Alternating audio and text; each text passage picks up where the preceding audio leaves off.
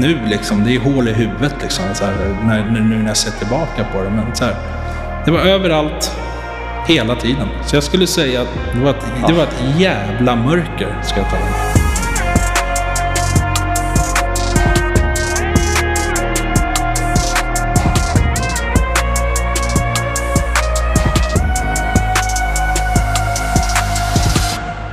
Ja, då vill jag önska er alla där ute varmt välkomna till Sveriges största podd om beroende och medberoende. Den här podden heter En beroendepodd och mitt namn är Nemo Hedén och den här podden gör jag ihop med The House Rehab. Och i den här podden försöker vi att eh, krossa tabun kring beroende och medberoende. Vi försöker att sprida kunskap och vi försöker att sprida lite, lite hopp. Det finns ju så mycket fördomar, missförstånd och myter som behövs krossas där ute. Och eh, ja, det försöker vi att göra den här podden varje onsdag tillsammans med er lyssnare. Och det är så fint att få göra den här podden. Vi är så glada för det och vi är så glada för att ni lyssnar. Ni får gärna följa oss på Instagram. Där heter vi kort och gott en beroendepodd. Och eh, till det kontot kan ni skicka tips på gäster eller tips på teman.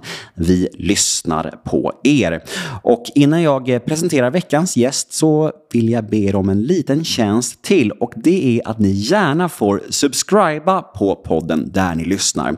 Och ännu mer gärna skicka en liten, liten recension eller en kommentar eller vad man nu skriver där. Det skulle göra oss glada och ehm, ja, tack på förhand. Veckans gäst, ja, idag blir det lite speciellt. Jag kom i kontakt med honom för ungefär två år och fyra månader sedan. Han skrev till mig på Instagram och eh, vädjade om att få min hjälp eh, och att eh, ja, gå på ett möte helt enkelt. Efter att jag hade presenterat tolvstegsvärlden i ett kort DM för honom. Vi gick på ett möte och två år och fyra år senare så sitter vi här nu och ska göra en podd ihop. Och ja, det här kommer bli väldigt fint och kanske lite känslosamt. Jag är så glad över att han är här, min kära sponsi. Varmt välkommen Andreas Björkman. Tack så mycket Nemo. Hej! Hej! Hur mår du? Jag mår bra. Eh, så här, bättre än på länge. Eh, jag går på mycket möten. Liksom, det känns som att jag lever i programmet. Liksom, så, så livet har börjat falla på plats liksom, eh, senaste året, skulle jag säga så. Eh, men så här, jag mår bra. Mm. Är du nervös? Mycket. Ja, jag ser det på dig. Men det, vet du vad, det är ingen fara. Nej. Det är hur lugnt som helst. Du är i trygg miljö och eh, som vi sa innan, vi är ju här for the greater good. Liksom. Yes. Vi är här för att sprida budskapet vidare. Men jag har all respekt för att människor är nervösa här inne. För att det är ju en helt ny miljö om man inte är offentlig person, person som jag är. Liksom. Ja. Så eh, lite nerver är helt okej, men de kommer säkert släppa känner jag. Ja. Ja. Vad heter det? Vi ska snacka om din story idag. ja. Har du varit öppen med den? Eller hur har det sett ut? Eh, jag skulle säga att jag i- princip från, eh, från eh, dag ett eh, har varit öppen med, med min familj, mina närmsta. Så att jag blivit nykter och sökt hjälp, att jag går på tolvstegsmöten och så. Ehm, när det kommer till kollegor på jobbet och lite mer eh, ytligt bekanta liksom så, eller i, i en vänskapskrets så, så, så tog det ett tag innan jag var, öppen med det. Eh, men eh, idag är jag jätteöppen med det. Så, eh, kan, kan lägga upp grejer på, på Instagram. När jag hade min tvåårsdag här i september förra året så la jag upp eh, att ja, tvåårsbrickan som många gör liksom. Men eh, ja, så. så att, ja, absolut.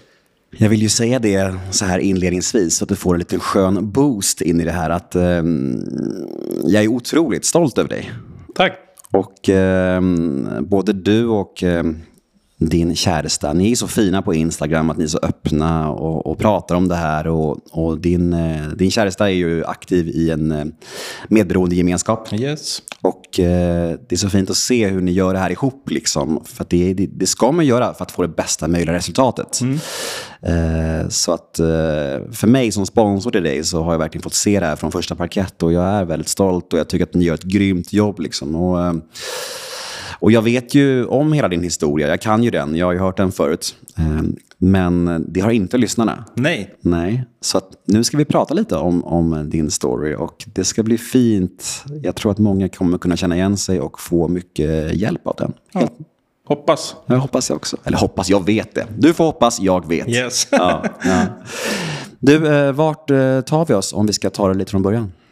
Eh, jag är född 1986. Lövenströmska sjukhus i Upplands Väsby.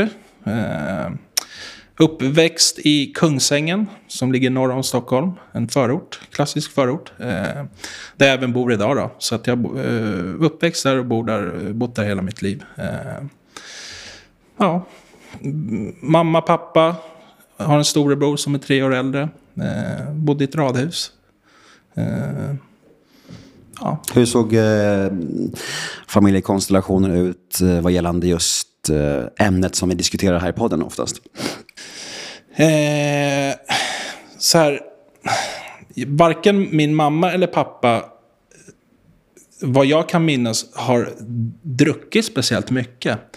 Eh, jag pratade på äldre dag med min pappa som eh, i princip la ner sitt eget festande eh, när, när jag var liten, väldigt liten. Så. Och då jag frågade anledningen till det, det var att han blir så himla bakfull. Han mår så dåligt och han orkade inte det när vi var små, jag och min bror. Liksom, och det, så han la ner det. Så att, och min mamma har ja, hon har nog aldrig liksom varit stor i glaset. Liksom, så så att jag har inga minnen av att det dracks eller mm, höll på med någon annan drog eh, från när jag var liten. Liksom, så. Men sen har vi, vi har väldigt mycket missbruk och beroende i släkten. Min eh, morfar, bland annat, eh, dog av alkoholism. Ehm, min morbror är nykter alkoholist sedan tio år tillbaka.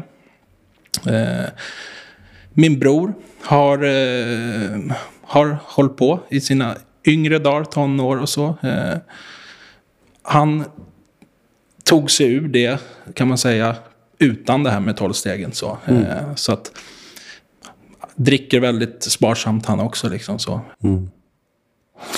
Vad heter det? Om man ska ta dig som liten då. Vem var du? Hur var du som liten grabb? Oj. Eh, jag var nog väldigt mycket eh, så. Eh, lät mycket, eh, ville vara i centrum. Eh, ja, alltså så här. Det, det, vet jag min mamma berättade och även grannar som vi hade när jag var liten som jag träffade på äldre dagar. Att jag gick under benämningen hålet. Det var för att när, de, när jag kom eh, springandes över gården så var det bara ett stort gap som var öppet. Så bara man skrek där liksom. Så, så är hålet liksom så. En stor svart mun eller? Vad? Ja, men i princip. Ja. Ja, det var väldigt högljudd, skrek och härjade liksom och sådär. Mm. Eh, så. Men har du funderat mycket på vart eh, ditt missbruk eh, kommer ifrån? Och även din brors då, eftersom han även hade problem med det tidigare. Eh, med tanke på att dina föräldrar inte hade det. Nu har ju du även sagt att det fanns ju släkten runt omkring det. Men har du tänkt mycket på hur det blev så? Ja, absolut. Speciellt, eller det började ju när jag började i tolvstegen. Började man ju reflektera och inventera och tänka, tänka på hur det kunde bli som det blev och sådär. Och, eh, så här, jag vet inte om jag landat i någonting mer än att så här, om jag går till mig själv. Jag, jag har alltid haft en känsla av att eh, eh ett så här bekräftelsebehov. För att här, jag, jag, har känt att jag inte har passat in i sammanhang. Och det vet jag kan härleda till rätt tidigt i min barndom. Liksom så att eh, jag kände mig annorlunda liksom, på något sätt. Eh, och, Vilken ålder pratar vi om då? Oh, jättesvårt att säga. Men säg att... Eh, när man gick i trean, tvåan, trean i skolan liksom så.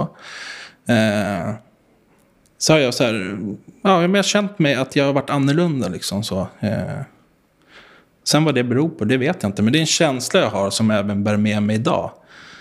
Att jag kanske har svårt att passa in i vissa sammanhang och eh, svårt att eh, tycka att jag gör bra saker. Jättesvårt att ta cred liksom sådär. Och, mm. eh, så nu kanske vi går händelserna i förväg, men eh, det jag kommer fram till är att mitt missbruk och det, att jag hamnade där jag hamnade kan nog grunda sig mycket i det.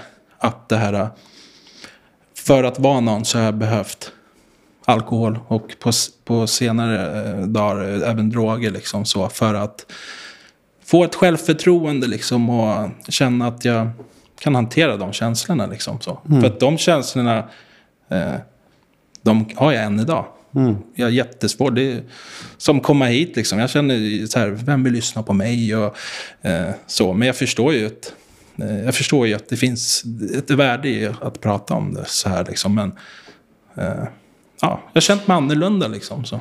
Jag tror många super och knarkar just av den anledningen. Det här med att man, eh, ja men vi pratar mycket om den här andliga bristsjukdomen i 12 steg. Det här med att något, något inre saknas. Det lirar inte riktigt i känslolivet. Och det, är ju, det kan ju ta uttryck på flera olika sätt, tänker jag. Dels det du beskriver, men också så här med att man behöver någon slags eh, tillhörighet, samhörighet. Man passar inte in, man har lite ja, men ett inre tomrum. Eller man behöver liksom något yttre för att stilla det inre. Liksom. Ja. Ehm, så jag känner jättemycket igen mig. Uh, och det där är någonting som man får jobba med hela livet tror jag. Det blir liksom inte lagat för att man blir nykter och drogfri. Nej. Det vet ju vi, att det här är ju en färskvara. Man måste ju kontinuerligt jobba med det här för att kunna känna, ja, men känna sig andlig spänst och må bra en dag i taget. Det hade varit jättehärligt om man kunde bli nykter och drogfri. Så bara helt plötsligt kände man så här, okej, okej, okej, nu är allt toppen. Ja. Men varför har vi supit och knarkat? Jo, det är ju för att hantera just det här. Ja. Då kommer ju det såklart tillbaka om vi tar bort alkoholen och drogerna. Exakt. Det är ju det som är själva grejen med 12 programmet Vi ska jobba med anledningarna till varför vi super och knarkar. Ja. Och eh, ja, det är ju du ett jättefint exempel på att man, att man kan göra. Men vi ska inte gå händelserna i förväg riktigt. Men det blir lätt så. Eh, Det är dock inget problem, för att man kan hoppa fram och tillbaka också. Men, ja, vad heter det, när du klev in i tonåren eh, med alkoholdebut och sånt där, var det ganska normalt allting då? Eller hur minns du den här tiden? Eh, jo, men alltså, så, det tycker jag. Jag, eh, bara för att backa lite snabbt tillbaka. Jag började spela fotboll. Eh, började i Kungsängen med mina polare som jag växte upp med. Så. Eh, rätt tidigt så böt jag lag till eh, Brommapojkarna. Så.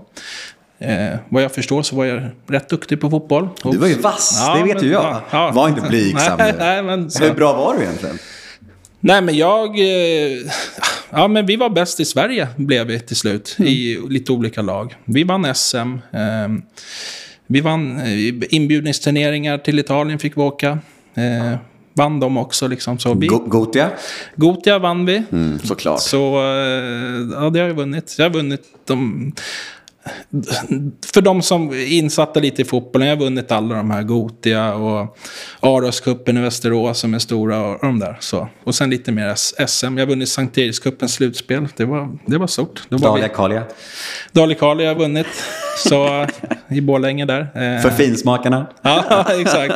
Nej, men så, här, så det... det, det men så, så, så var det. Och bara eh, också för att det kan nog också koppla till att jag inte känt att jag har passat in liksom så. För att alla kompisar, det här minns jag faktiskt väldigt tydligt. Och då kanske jag gick i trean, tvåan. Tvåan, trean där. Att på, på, på en fredag så kunde eh, mina klasskompisar och kompisar säga så här, Åh, vad kul det ska bli, i helgen ska vi åka på fotbollscup och det. Ja, men då spelade jag i ett annat lag och då kände jag så här, fan jag vill också åka med er och spela fotboll liksom så.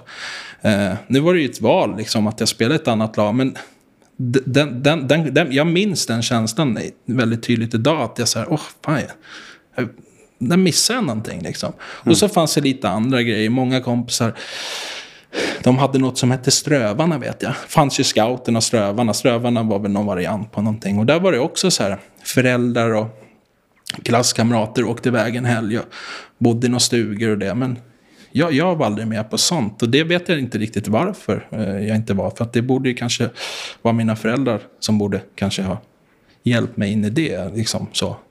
Eh, så det, det, de känslorna är rätt starka fortfarande, just det där. Och varför vet jag inte, men ja.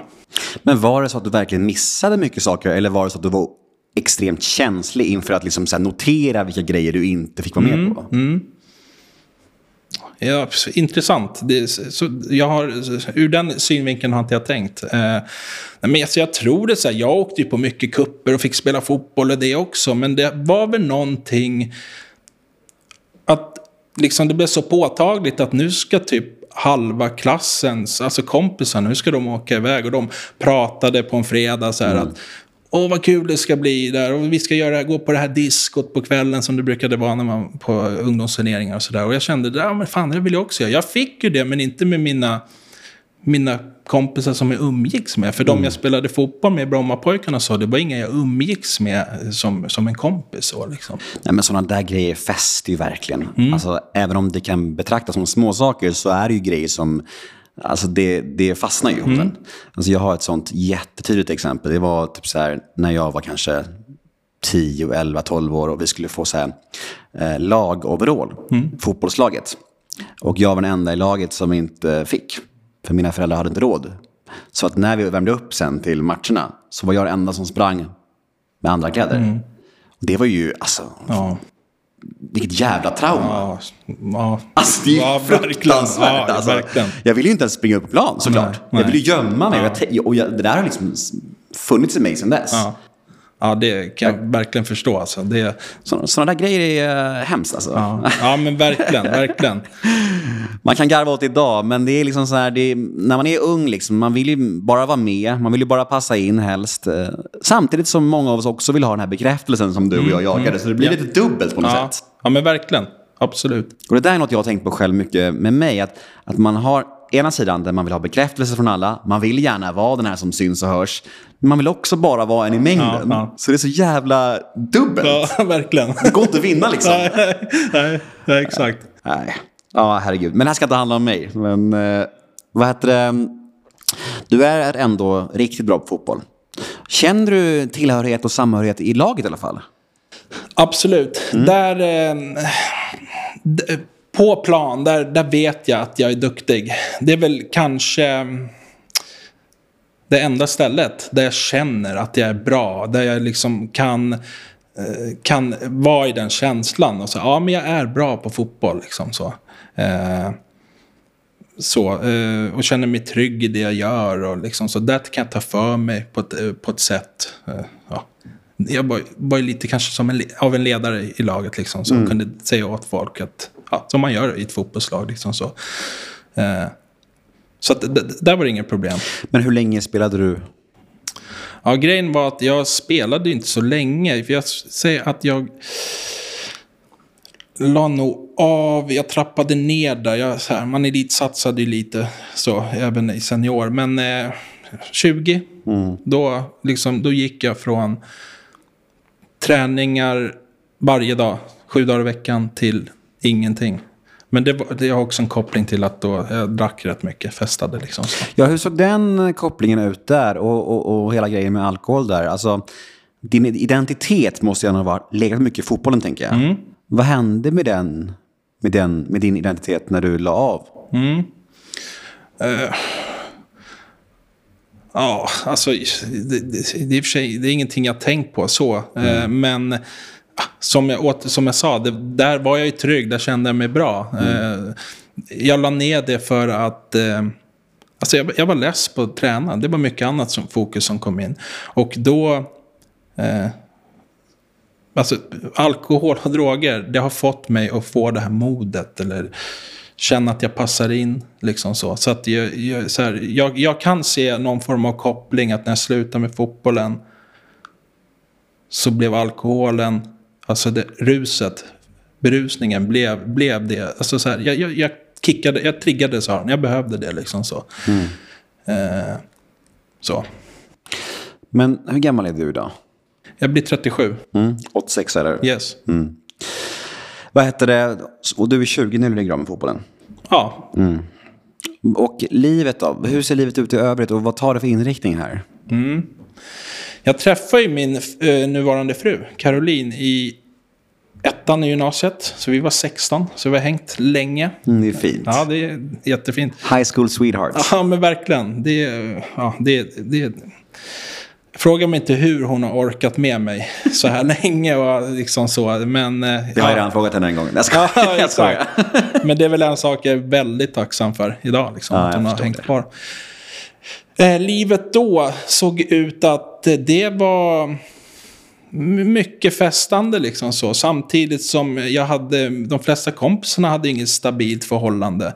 När jag var 20 så hade jag hängt med Carro i fyra år redan. Så vi hade ju liksom jag, egen lägenhet. Vi åkte på utlandssemestrar liksom sådär. Och som, som par gör om man säger. Och, och Medan mina kompisar levde väl det här livet. Mycket fest, ut på krogen hit och dit. Men jag skulle säga att jag drack en hel del under, under den här tiden. Så, och, ja, på varje helg liksom och sådär. Eh, Jämförde du dig med dina vänner? Kände ni att ni var liksom på samma nivå, att ni drack på samma sätt? Eller kände du någonsin att du liksom stack ut? Jag... Eh, ska måste jag tänka här. Alltså, det många av dem jag hängde med drack mycket. Det var, det var droger tidigt för många av mina kompisar också. Så. Eh, men jag kände nog ett, ett mig annorlunda i den bemärkelsen att jag ville, ville aldrig att det skulle ta slut. För jag såg att nu hänger jag med grabbarna här. Och, nu, jag vill gå all in. Jag vill festa hela natten liksom och så. Medan mina kompisar som bodde själv och så, de så här, ah, vi kan göra om det här imorgon. Jag hade ju ändå min fru där, eh, så, som liksom höll lite koll på mig. Att, Nej, men jag vill göra någonting med dig idag. Du vet, så jag var tvungen att eh, anpassa mig lite så. så eh, ja, men så, som sagt, man, jag umgicks med kompisar som eh, var hyfsat liksinnade skulle jag säga. Eh, Så. Och det här med att det tar en problematisk vändning, det är ganska långt senare, eller, eller hur är det egentligen? För du får ju barn här och mycket, mycket händer. Ja, vi får vår första dotter då jag är 25. Hon blir, eh, nu måste jag tänka, hon är född 11. Hon blir alltså 12 i år. Då. Väldigt fint namn. Ja, eller hur? Ja. Du har härmat mig. Ja, ja, ja, jag har faktiskt gjort det. Fast det finns ett problem här. Det var att mitt barn kom ju innan jag träffade dig. Just det. Ja. det är bra poäng. det är fler som heter Nova också. Så. Just det. Mm. Eh, då eh, får, får jag, vi vår första dotter då, när jag är 25. Eh, och den perioden är, den är stökig skulle jag säga. Jag tror, så här, jag var inte redo. Eller så här, jag var redo. Jag, jag och Karo hade varit tillsammans i 9-10 år eller vad det blir där. Så att vi, var, vi båda hade fast jobb och vi hade körkort. och Det här eh, som vi tyckte var viktigt att man skulle ha på plats innan man skaffar barn. Eh, men mentalt, jag var absolut inte redo mentalt. Eh, så att när Nova föddes där, och det, då gick jag in i en period där jag söp på ett sätt som jag inte hade gjort innan. Alltså jag kunde sitta hemma själv två, tre på natten och halsa från en whiskyflaska liksom. Så att det äskade, trappades upp där liksom så. Och Vad tror du det berodde på? Var det någon slags pressgrej eller? Jag vet inte. Det är, här, eh, det, är, det är en stor omställning, tänker jag, att få barn. Eh, Helt plötsligt ska, så ska fokus ligga på någon annan än dig själv. Och det, så här, det här med sömnen och eh, att när man väl får chansen att koppla av eller det blir så här, ja, men då tar jag chansen kanske tänkte jag. För att så här, eh, så att nej, så att det, det blev inget bra. Och då det som hände då var att det gick så pass långt så att efter, jag vet att min eh, Carro åkte iväg med Nova. Då, då tror, nu tror jag dock att våran andra dotter fanns, kom jag på nu. Och hon är född två och ett halvt år senare. Så. Men det är fortfarande småbarnsperioden. Då vet jag att då var hon, eh, Caroline ledig, så hon tog barnen och åkte iväg till sin moster tror jag. Och så borta en tisdag till onsdag. Och jag jobbade ju. Då kände jag att perfekt, nu har jag chansen. Så jag, jag, efter jobbet så gick jag ut med ett par arbetskollegor. Vi var på Söder och snurrade här i Stockholm. Eh, och lyckades telefonen den var helt spray. Alltså te- så jag, så jag tappade telefonen. Så jag vet inte hur jag kom hem. Jag vet att jag somnade i duschen. Men i alla fall, jag tog mig inte till jobbet. Jag hade kollegor som ringde mig och sådär. Till slut så får min fru tag i mig. Liksom, så, vad är det som händer? Alltså? Så, ja, men då är jag super hela natten och hon var jätteorolig. Så ingen får tag i mig och så. Eh, då vet jag att min morbror då, som hade varit nykter i några år eh, tog med mig ut på en sväng med bilen. Så vi pratade lite sådär. Så då gick jag faktiskt på ett AA-möte på, eh, på Söder. Eh, men det blev ett möte. Så kände jag att här är det ju bara massa alkisar och narkomaner, tänkte jag då. här kan inte jag vara. Det här är inte jag, liksom så. Eh, jag, var, jag var inte redo. Jag gjorde det bara för sakens skull, liksom och så.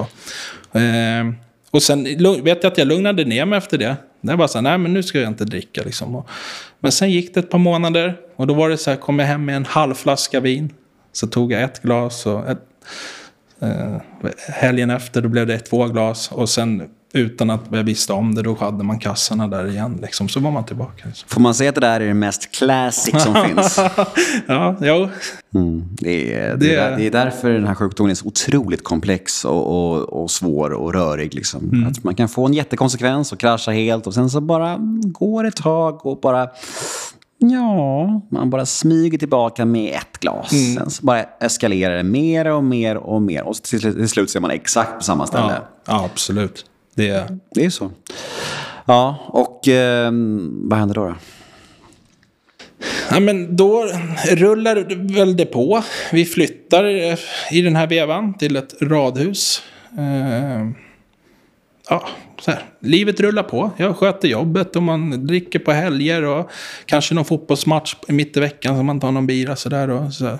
Tyck, ty, tycker väl inte att det ger jättemycket konsekvenser utöver att jag... Eh, Ja, man är trött och orkar inte lägga så mycket tid på barnen utan mycket jag var väldigt aktiv, om vi tar en lördag till exempel. Jag var väldigt aktiv från två och framåt till nästa morgon. Liksom så, för då drack jag, lagade god mat och så. Men så här, jag orkade inte ta mig upp och la noll tid på att umgås med barnen och sånt. så. Ehm, det som hände sen då, det är att min mamma blir döende i cancer.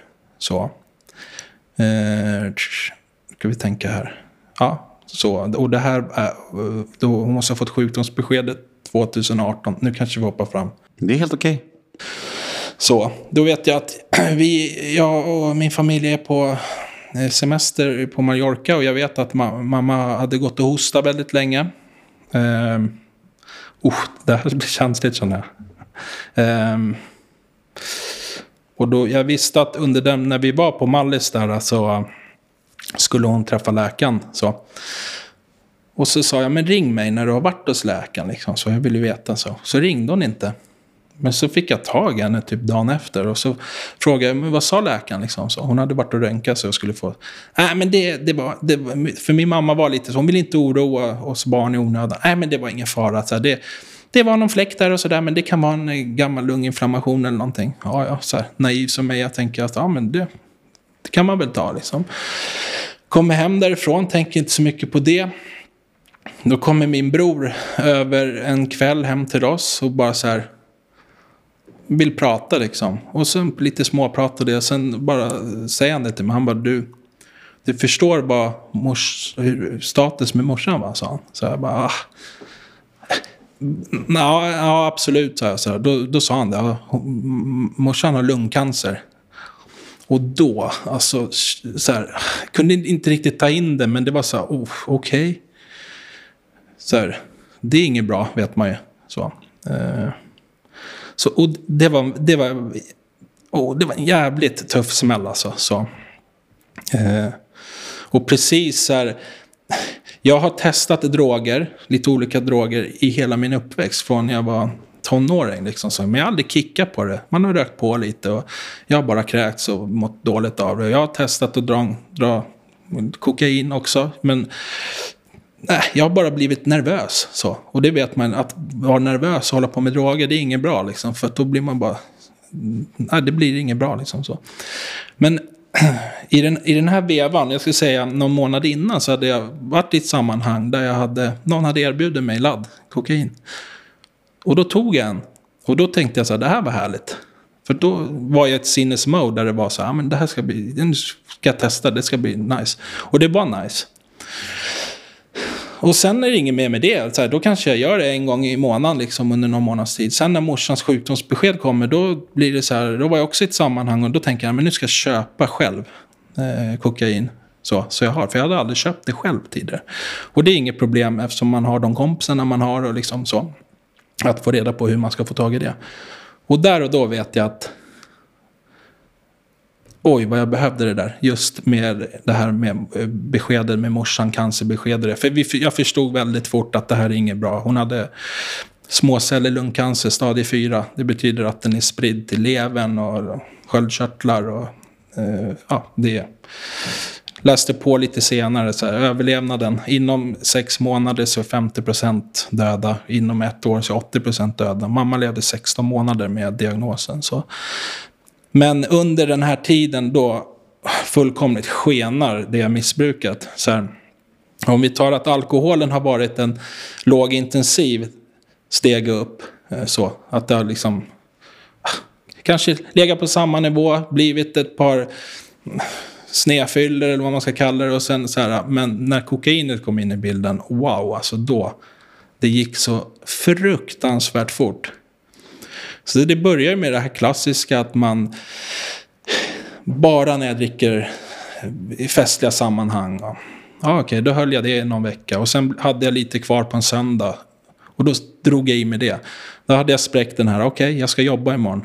Och kan jag ta det en söndag dagen innan jag kan jobba, ja men då kan jag ta det en tisdag kväll. För att det är samma sak, jag ska jobba så. Så då höll jag det någon vecka. Så. Kom hem från jobbet, aldrig på jobbet. Kom hem från jobbet och drog, drog Pauline liksom så. Och sen vet jag, kom jag faktiskt ihåg. Då hade jag med mig till jobbet så tog jag en lina på to eh, toaletten på jobbet. Och då var ju allt det här med moraliska gränser som vi pratar mycket om och det. Då var ju allt raserat. Jag menar, kan jag dra det på jobbet? Då finns det väl, finns det väl ing... Då kan jag göra det vart som helst, när som helst. Så, ja, och då, ja, då var det intensivt. Hur snabbt gick det från uh, att du började använda kokain till att du började köra på jobbet? Hur lång var den perioden? Mm. En och en halv månad. Oh, shit alltså. Mm. Jävlar. Ja. Jag, jag, jag hittar ju någonting i det. Ja. I den här känslan. Liksom, så här, jag har svårt att hantera känslor som det är. Liksom, mm. så. Men nu hittade jag någonting som trubbade av trubba av den här värsta toppen på, eh, för, med mammas sjukdomsbesked och det. Mm. Eh, som gjorde att jag kunde finna välbehag. Jag kunde liksom se så här, ah, men det, det är okej. Okay. Morsan är sjuk, det kommer lösa sig. Jag knarkar lite, så har jag kul liksom. Lite kan jag ha kul. Eh, så. Men sen, eh, det bara eskalerade. Jag menar, ja, mamma åkte in på sjukhus titt som tätt och kunde ligga på sjukhus en vecka. Och hon ville inte vara själv såklart. Och jag och min bror ställde upp till 100% på henne. Så då sa vi det, ja, men vi sover här. Jag sover här två nätter med dig och min bror tar de två nätterna efter det. Liksom. Och, äh, det är bara, ja, jag knarkar på hennes toal toaletten på hennes patientrum. Och jag sa till morsan där vet jag också att jag ska bara ner och gå ner och köpa macka. Liksom. Ja, men gör det liksom sådär. Ja, då pep jag till, köpte kokain av en langare liksom. Mm. Så det var så här, så här gränslöst. Simtävlingar med min dotter. In på toan. Hej och hå. Kan inte stå i en simhall och titta på sin dotter som har simtävling utan att dra kokain. Tyck, tänkte jag då. Mm. Nu liksom, det är hål i huvudet liksom, här, när, nu när jag ser tillbaka på det. Men så här, det var överallt, hela tiden. Så jag skulle säga att ja, sista året innan jag blev nykter så var jag, alltså jag var hög 24-7. Mm. Det var... Ja. Det var, ett, det var ett jävla mörker, ska jag tala om. Ja, det sjuka är att jag vet ju om den här historien, men ändå så ryser jag när du ja. berättar. För det är så jävla... speciellt hur eh, skev man blir när man är i det. Alltså. Hur verklighetsfrånvänd man blir. Alltså. Det är otroligt alltså. Och så här, jag stannade ju upp i den här, under den här perioden när det var liksom skenande och 24 hela tiden. Då kunde jag faktiskt stanna upp och reflektera. Om man nu gjorde det med så här, så här vad håller jag på med liksom? Så här, mm. fan, det, det här är inte normalt liksom. Men sen tänkte jag också så här, men, äh, men han och han och han, de, jag vet ju, de har ju också tagit det på jobbet. så så det är väl ingenting. Så att, så här, jag kunde inte se att jag var värre än någon annan. Liksom. Jag tyckte att det var fullt normalt. Satt i Järva krog i en bilkö. Hade precis hämtat liksom. Och det, och det satt ju bilar runt omkring. Jag bara langade upp en i bilen och sög i mig. satt en gubbe och tittade på mig. Där. Jag var så här, berörde mig inte i ryggen.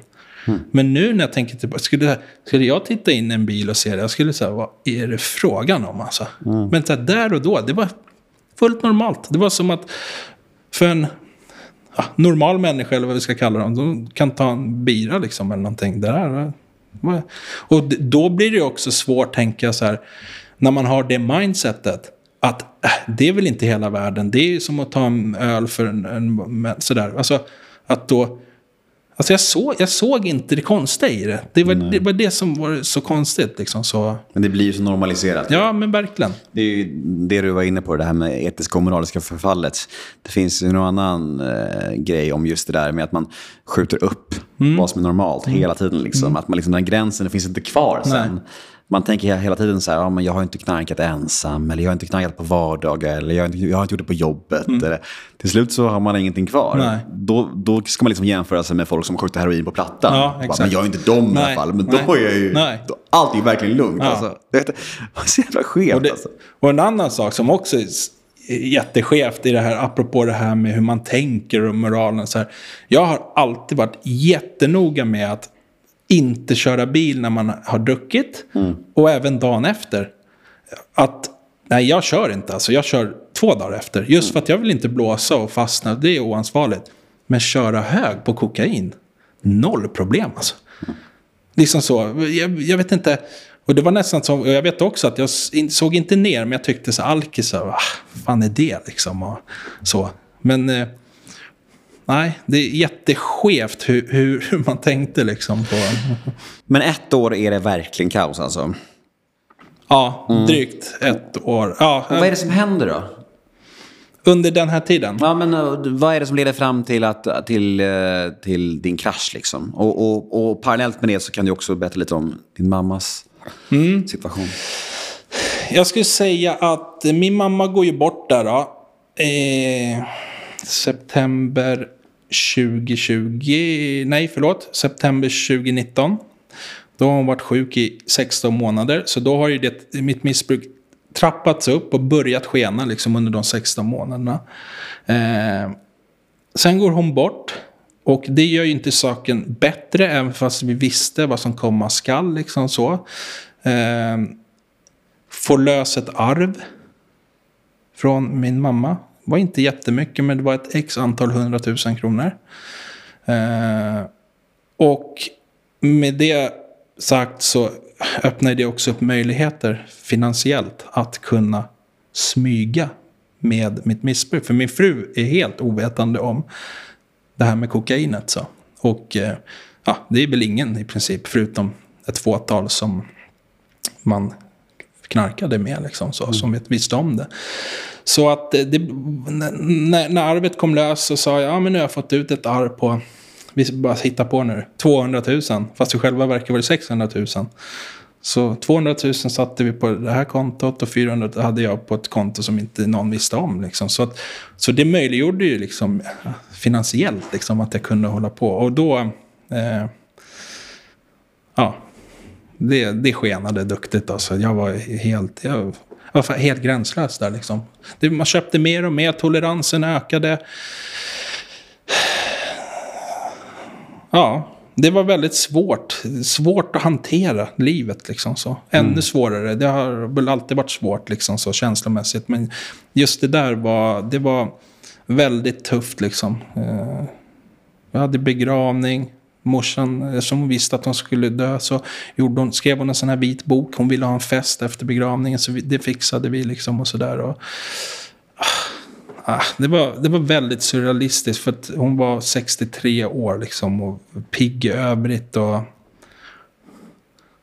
ah, jag, vet, jag vet inte, det bara skenade. Så, Och sen till slut så i det här, det är klart jag förstod att du har myntat det flera gånger, vet jag, det här att när jag kunde sluta ville jag inte och när jag ville sluta kunde jag inte.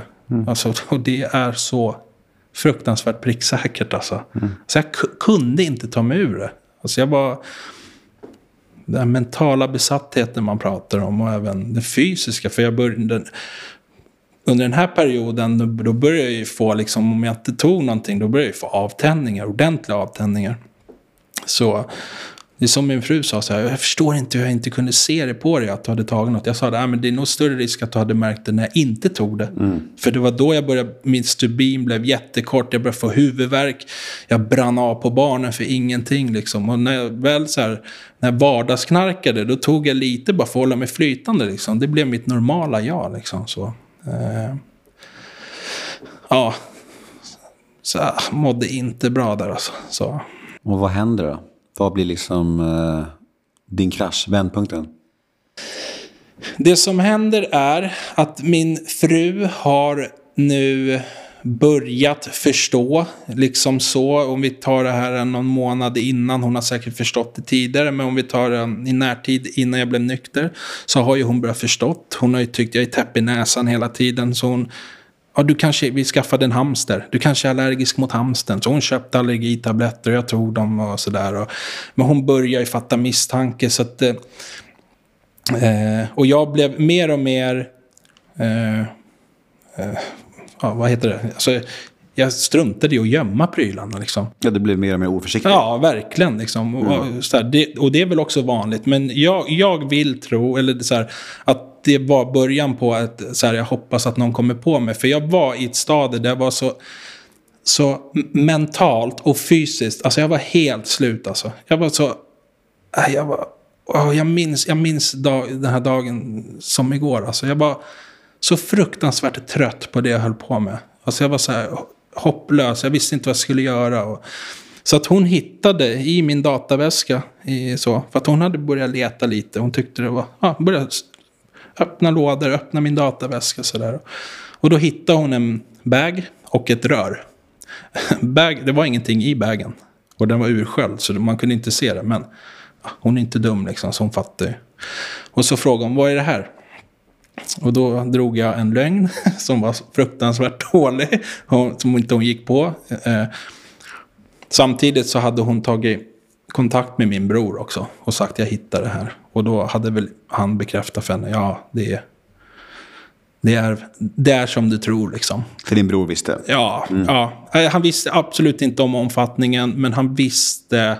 Att det förekom? Ja, så här, han, han, han har nämnt det efter att så här, han har väl legat i bakgrunden och hovrat hovra lite liksom och så här, förstått kanske vart det är på väg. Så han hade väl något så här sporadiskt så här, kanske ska tänka på att lugna det lite. Så här, ah, men det är ingen fara, jag kör inte så mycket liksom och så.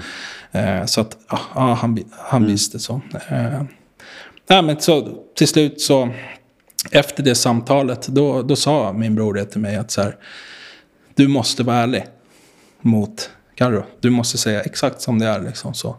Och eh, så här, vi, vi är många här som finns. För, det blir också rörd alltså, för, som kan, eh, som kommer stötta dig liksom så. Men då sa han också det, nu, så här, nu i början. När du är hemma då kommer livet kännas jävligt tufft. Carro kommer vara på dig, hon kommer så här, kanske hatar dig, hon kommer säga åt dig hur jävla dålig du är, hur mycket du har försummat och hit och dit. Men när du är med mig, då kommer du få hopp om livet. För att, för att jag kommer pusha dig liksom och så. Men han sa det så här, vill du det här, då, då finns vi här liksom så. Och, jag kommer ihåg att du sa det här också till mig mm. när vi började jobba i Stegen. Att du mm. sa så här, hur lång tid tar det tills hon börjar lita ja, på mig igen? Ja. Det är så jävla jobbigt, hon ja, litar inte ja, på mig. Det var så jobbigt för dig. Ja, men verkligen. Och det är så här, det är också vanligt tror jag så här att fan, jag vet att jag sa det till min morbror också, jag vill bara spola framtiden ett år så att Mm. allting har lugnat ner sig. Jag vill börja hitta det här som du och många andra pratar om i programmet. Glädjen i livet och hit och det. Men det är så här, det är också ett drag man har, att man har no noll tålamod. Liksom. Alltså, alla vi knarkare vill ha quick fixes. Ja, det är så. Man vill inte gärna göra jobbet, men när man väl gör det så får man ju res- resultat. Liksom. Ja. Nej, men så, Så hon hittar grejerna. Ja, eh, så efter det samtalet med min bror då, på, i hans bil på den här parkeringen så, ja, då åker jag hem och jag tror vi pratar dagen efter. I den här vevan så skriver jag till dig. Eh, vi pratade, jag och min fru då, Carro, och hennes pappa faktiskt, pratade på söndagen vid vårt köksbord. Och det, oh gud, det var inte nådigt alltså. Då fick man ju höra liksom, oh, det var tungt. Den behöver jag påminna mig om, om jag har dåliga dagar idag liksom. Så nej, dit ska jag inte liksom. Så. Eh, dagen efter hörde jag av mig till dig. Skrev till dig på Instagram, för du hade varit öppen med det på Instagram. Att hör av dig om du behöver hjälp. Och då har jag, tänkte jag att så här, ah, vem skriver till Nemo liksom? Jag började ju följa dig för din podd där som jag tyckte var bra. Så här, harmats på dig när jag var aktiv. Jag tyckte så här, fan vad han tycker livet är härligt. Han ljuger ju bara. Så där kul kan han inte ha det liksom. Och det. Men sen en dag så var jag där själv. Och jag vet inte var man vänder sig. Min fru var, vi var väldigt förtvivlade. Hon bara, vad gör man? Ringer man behandlingshem? Ska jag ringa vårdcentralen? Vad gör jag liksom? Och det, jag sa det, oh, oh, oh. Då vet jag att min morbror var stöttande för henne där också då. Så, ja, men ta det lugnt så här. Tolvstegen, det, det har funkat för mig liksom. Och det. Så min morbror är väldigt förespråkare för tolvstegen. Ja, men hör av mig till dig. Jag tror vi bestämmer möte dagen efter tror jag. Ja, men möt mig på Götgatsbacken här på, på Söder så pratar vi lite och jag fattar ingenting. Ja, jag åker in dit. Kom ihåg när vi sågs där på kaféet. Och sen gick vi, helt plötsligt var vi på ett möte.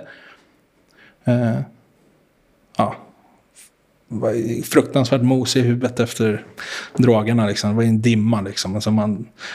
Men jag hade där och då, så hade jag kapitulerat. Alltså jag var så fruktansvärt, som jag sa, jag var så fruktansvärt slut, både fysiskt och mentalt.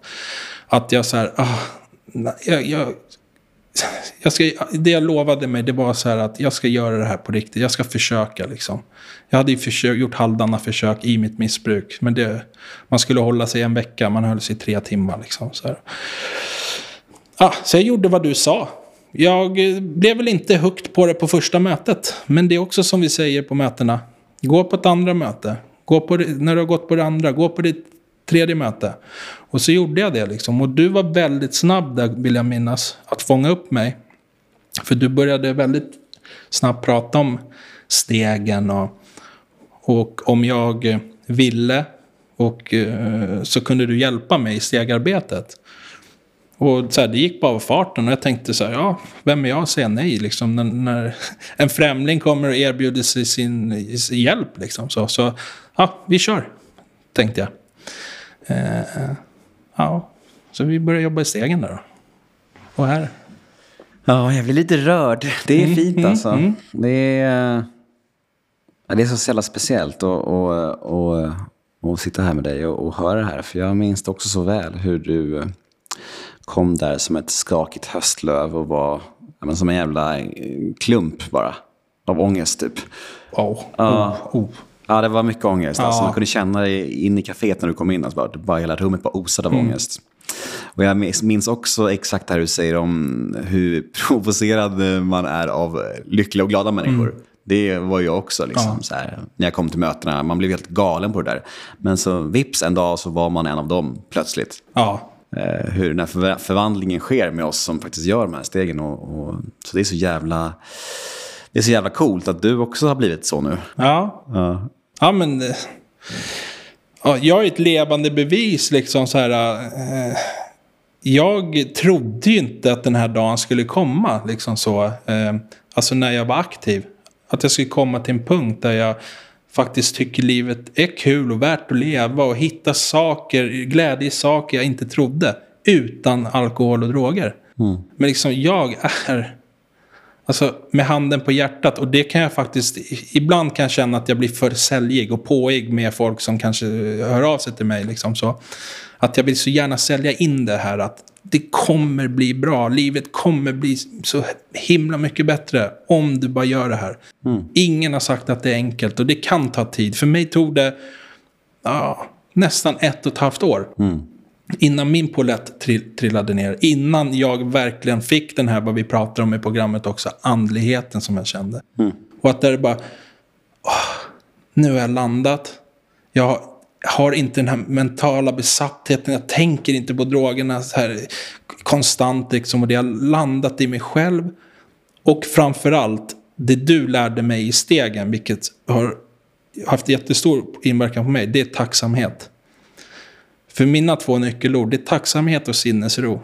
Och jag vet att när vi gjorde stegen så fick jag skicka tre grejer varje dag till dig som jag var tacksam över. Och det kunde vara små som stora saker. Det kunde vara kaffe, morgonkaffet, att det var extra gott idag. Liksom, och det. Men, och i början fattade jag inte det där. Jag fattade ju, jag fattade ju grejen med det. Men jag liksom, det tog, tog veckor innan poletten trillade ner. Liksom, så. Men så helt plötsligt så att idag kan jag känna tacksamhet för det lilla. Mm. Eller jag kan vara tacksam. Alltså så här, jag har ett hus, jag har en fru, jag har två döttrar som alla mår bra. Så här, jag, jag har aldrig varit tacksam för det innan. Men idag så kan jag, jag är så otroligt tacksam för det. Och liksom tacksam för dig, att du tog hand om mig så fint. Eh, så här, tacksam för att i, i, den här, i min nykterhet så har jag och min morbror fått en kontakt vi aldrig haft tidigare.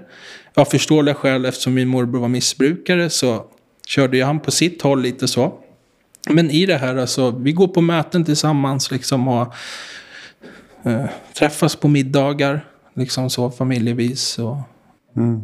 Så att så här, det är jag också jättetacksam för liksom. Eh, men det är ju verkligen så, tacksamhet är ju A och O på något ja. sätt i det här. Och det handlar ju om att ställa om sin hjärna. Ja. Att är man eh, en person med beroendesjukdomen så hamnar man jättelätt i självömkan. Mm. Och vad är motsatsen till självömkan? Jo, det är tacksamhet. Mm. Mm. Vi behöver liksom programmera om våra hjärnor och konstant påminna oss om det. Mm. Det är liksom en färskvara att leva i tillfrisknande och då är tacksamhet en stor del av det. Ja. Så det behöver jag också ja. varje dag. Ja. Varje dag påminna mig själv om tacksamhet. För annars hamnar jag istället i, ja oh, men den där har större podd än mig och mm. han har snyggare bil och han har snyggare tjej. Mm. och mm du vet så här, jag har ont i benet, du vet, bara jada, jada, jada, mm, jada. Mm. Skitsaker, när, liksom, när jag har världens bästa liv. Liksom. Ja. Och det spelar ingen roll egentligen hur bra liv man har om man inte har tacksamhet. Nej, exakt. Det är verkligen så. Ja. Du kan ha allt, men har du inte tacksamheten, då kommer du ändå se det negativa. Ja. Nej, men så här, bara ett exempel på det. Jag, så här, sitta, när jag var aktiv, sitta hemma med familjen och titta på Fångarna på fortet och så här, som småbarnsfamiljer kan göra. Mm. Som, det var aldrig min grej liksom. Då var det alltid bärs och vin och det och så här. Och så ville man alltid så här, äh, ska man ringa någon och kanske få över någon som man kan dricka öl med. Mm. Medan idag, alltså jag kan verkligen uppskatta det. Det var som på nyårsafton, då satt vi hemma själva. Och jag bara, åh gud vad härligt det här är. Och bara vara närvarande med sin familj spela Bingolotto, vi gjorde det här Svensson-grejen och det. Mm. Och, så här, och sen få höra min äldsta dotter säga det så här. Det, det var faktiskt jättemysigt att vara själva. Mm. Alltså det är så här, åh, ja det är så, åh, det det är så liv, fint alltså. Det är ja. livets uh, riktiga ja. världen. Och då får du tänka så här, när jag var aktiv, mm. då kunde jag dricka öl, eller jag gjorde det, drack öl och vin och lite sådär. Och och skulle kolla på Fångarna på fortet och det. Och tyckte det var det sämsta som fanns i livet. Idag gör jag det utan det och tycker det är hur härligt som helst. Alltså. Snacka om helomvändning. ja, verkligen. Ja. Så här. Det är magiskt. Vi ska koppla in uh, The House Rehab för att svara på en lyssnarfråga i segmentet som heter The House svarar. Ja, då har jag fått sällskap av Felix och Robert från The House Rehab. Vi har fått sällskap, vi sitter ju faktiskt hos er, så hej på er. Hej Tjena! Nemo. Hej! Välkommen Nemo. Tack, tack, tack. Det känns skönt att vara på The House Rehab igen. Det var ju flera, dag, flera dagar sedan. ja. ja. det är mysigt att vara här. Jag tycker om att vara här och nu ska vi svara på en lyssnarfråga. Är ni redo för det? Vi är alltid mm. redo. Gud vad härligt, gud vad härligt. Vi kör igång direkt. Frågan lyder så här. Hej grabbar, tack för en fantastisk podd. Jag har en fråga som rör min kompis som jag är lite orolig för. Det spårar alltid ur när vi dricker och han gör massa dumheter och vi är flera gänget som börjar bli oroliga för honom. Vad ska vi göra? Här är en jättebra fråga och den, den ställs ju faktiskt ganska ofta. Mm. Ja, Det är ett vanligt förekommande problem. Ja, och fint tycker jag med, med det här kompisgänget. Jag gissar Mm. att det är killar eftersom det är tjena grabbar. Ehm, jag tycker att det är fint att de, att de är oroliga för honom och det viktigaste här är ju att, att ehm, försöka börja prata med honom. Um, och inte nödvändigtvis konfrontera honom utan börja prata med honom i lugn och ro. Och säga att vet du, vi, vi är faktiskt oroliga för dig och hur mår du? Och vi tycker att det går överstyr när du dricker eller om det är droger. Det framgår inte riktigt av frågan.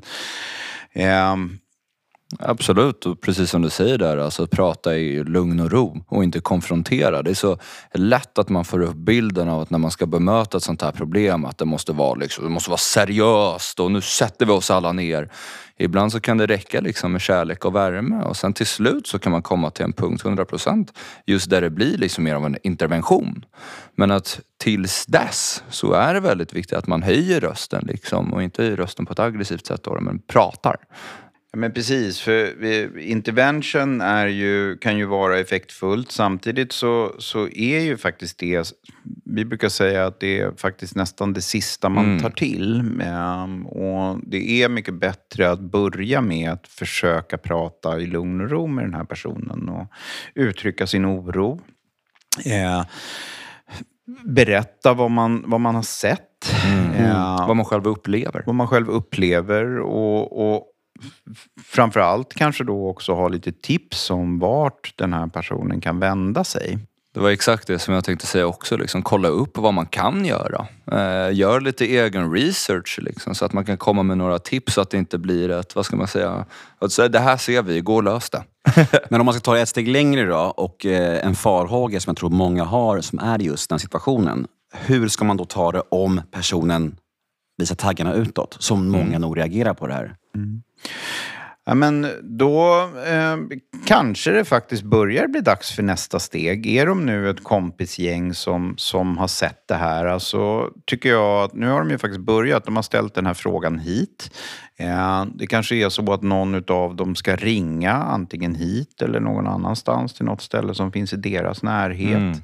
Eh, själva komma in på ett första samtal och man skulle också då kunna börja planera för en intervention eller en variant av intervention.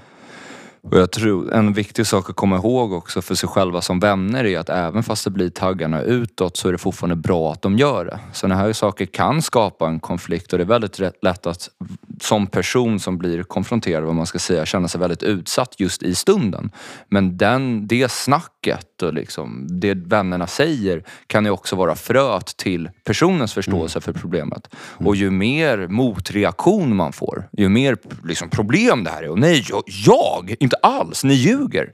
Ju större sån reaktion det är, desto större problem existerar ju egentligen. Med största sannolikhet och, och man ska verkligen komma ihåg det som Felix säger att även om personen slår ifrån sig så, så har man faktiskt sått ett frö.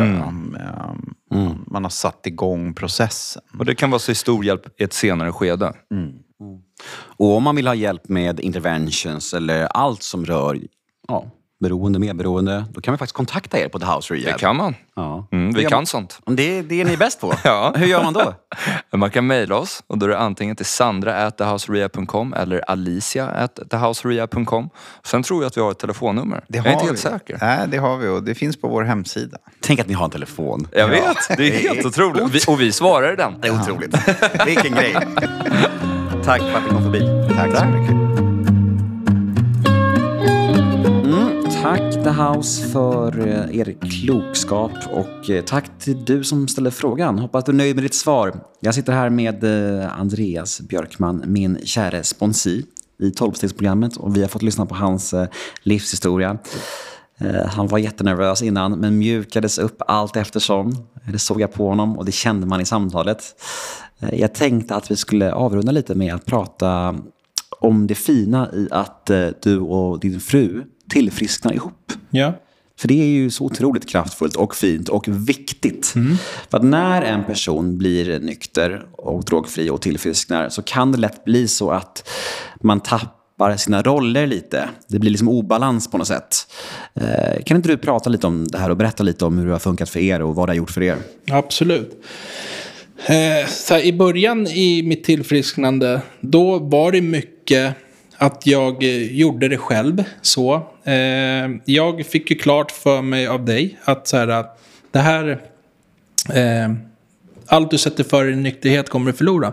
Och det kom jag hem till min fru och förklarade. Att så här, det här, jag måste göra det här. Så här. Och jag hoppas du kan acceptera och köpa det. Och det kunde hon till fullt ut. Men hon var ju fortfarande...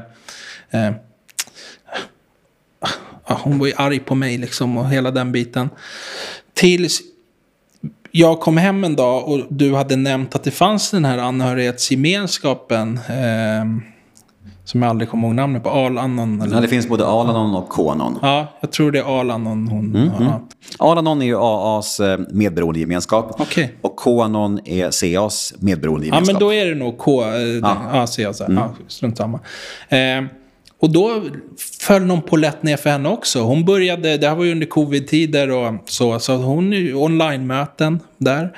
Hon, hon skaffade sin sponsor, eh, började i stegen liksom och så. Hon har dock inte gjort klart stegen, men hon, hon, är, hon lever i programmet eller så. Eh, och ju mer tiden har gått, ju mer tillit får hon till mig, ju öppnare känner jag att jag kan vara. Nu, så här, jag har alltid varit ärlig så, men så, här, mm, så att idag pratar vi om det. Det kan vara att hon kan kasta ur sig en fråga från ingenstans.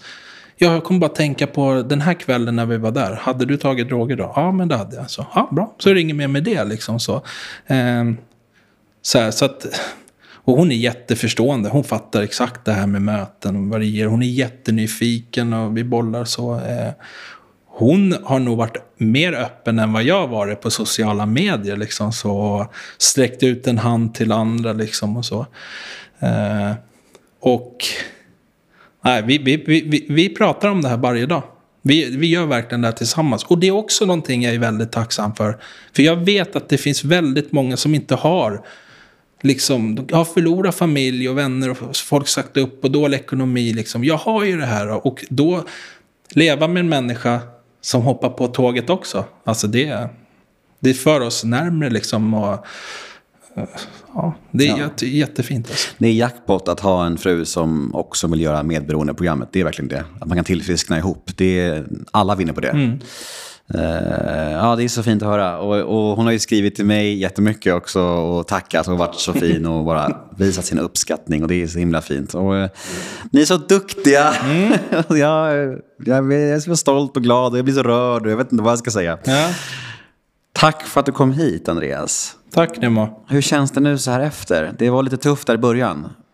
Ja, men absolut. Nej, men det känns jättebra. Jag blir mer så här... äh, Jag har ju tänkt på det här. Har, har man fått med det man vill säga, trycka på? Men jag tror det. Så här, jag, jag, jag pratar från hjärtat. Och det blev lite känsligt och så. Det är så här... Ja, det, jag har nog inte bearbetat sorgen efter mamma tillräckligt. Liksom. Jag har ju gjort det här, det jag gör. Med min nykterhet och det. Men så här...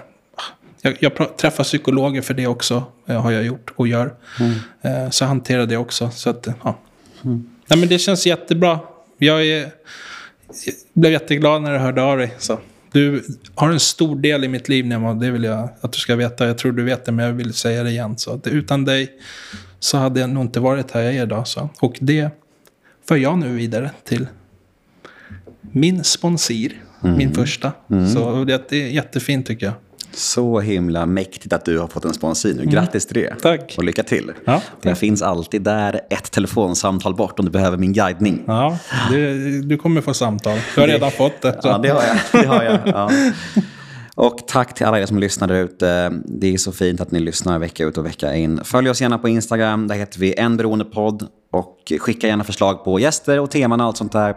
Subscriba på podden och ja, skriv era recensioner. Det är så fint om ni vill göra det för oss. Så hörs vi igen nästa onsdag. Var rädda om er. Puss och kram.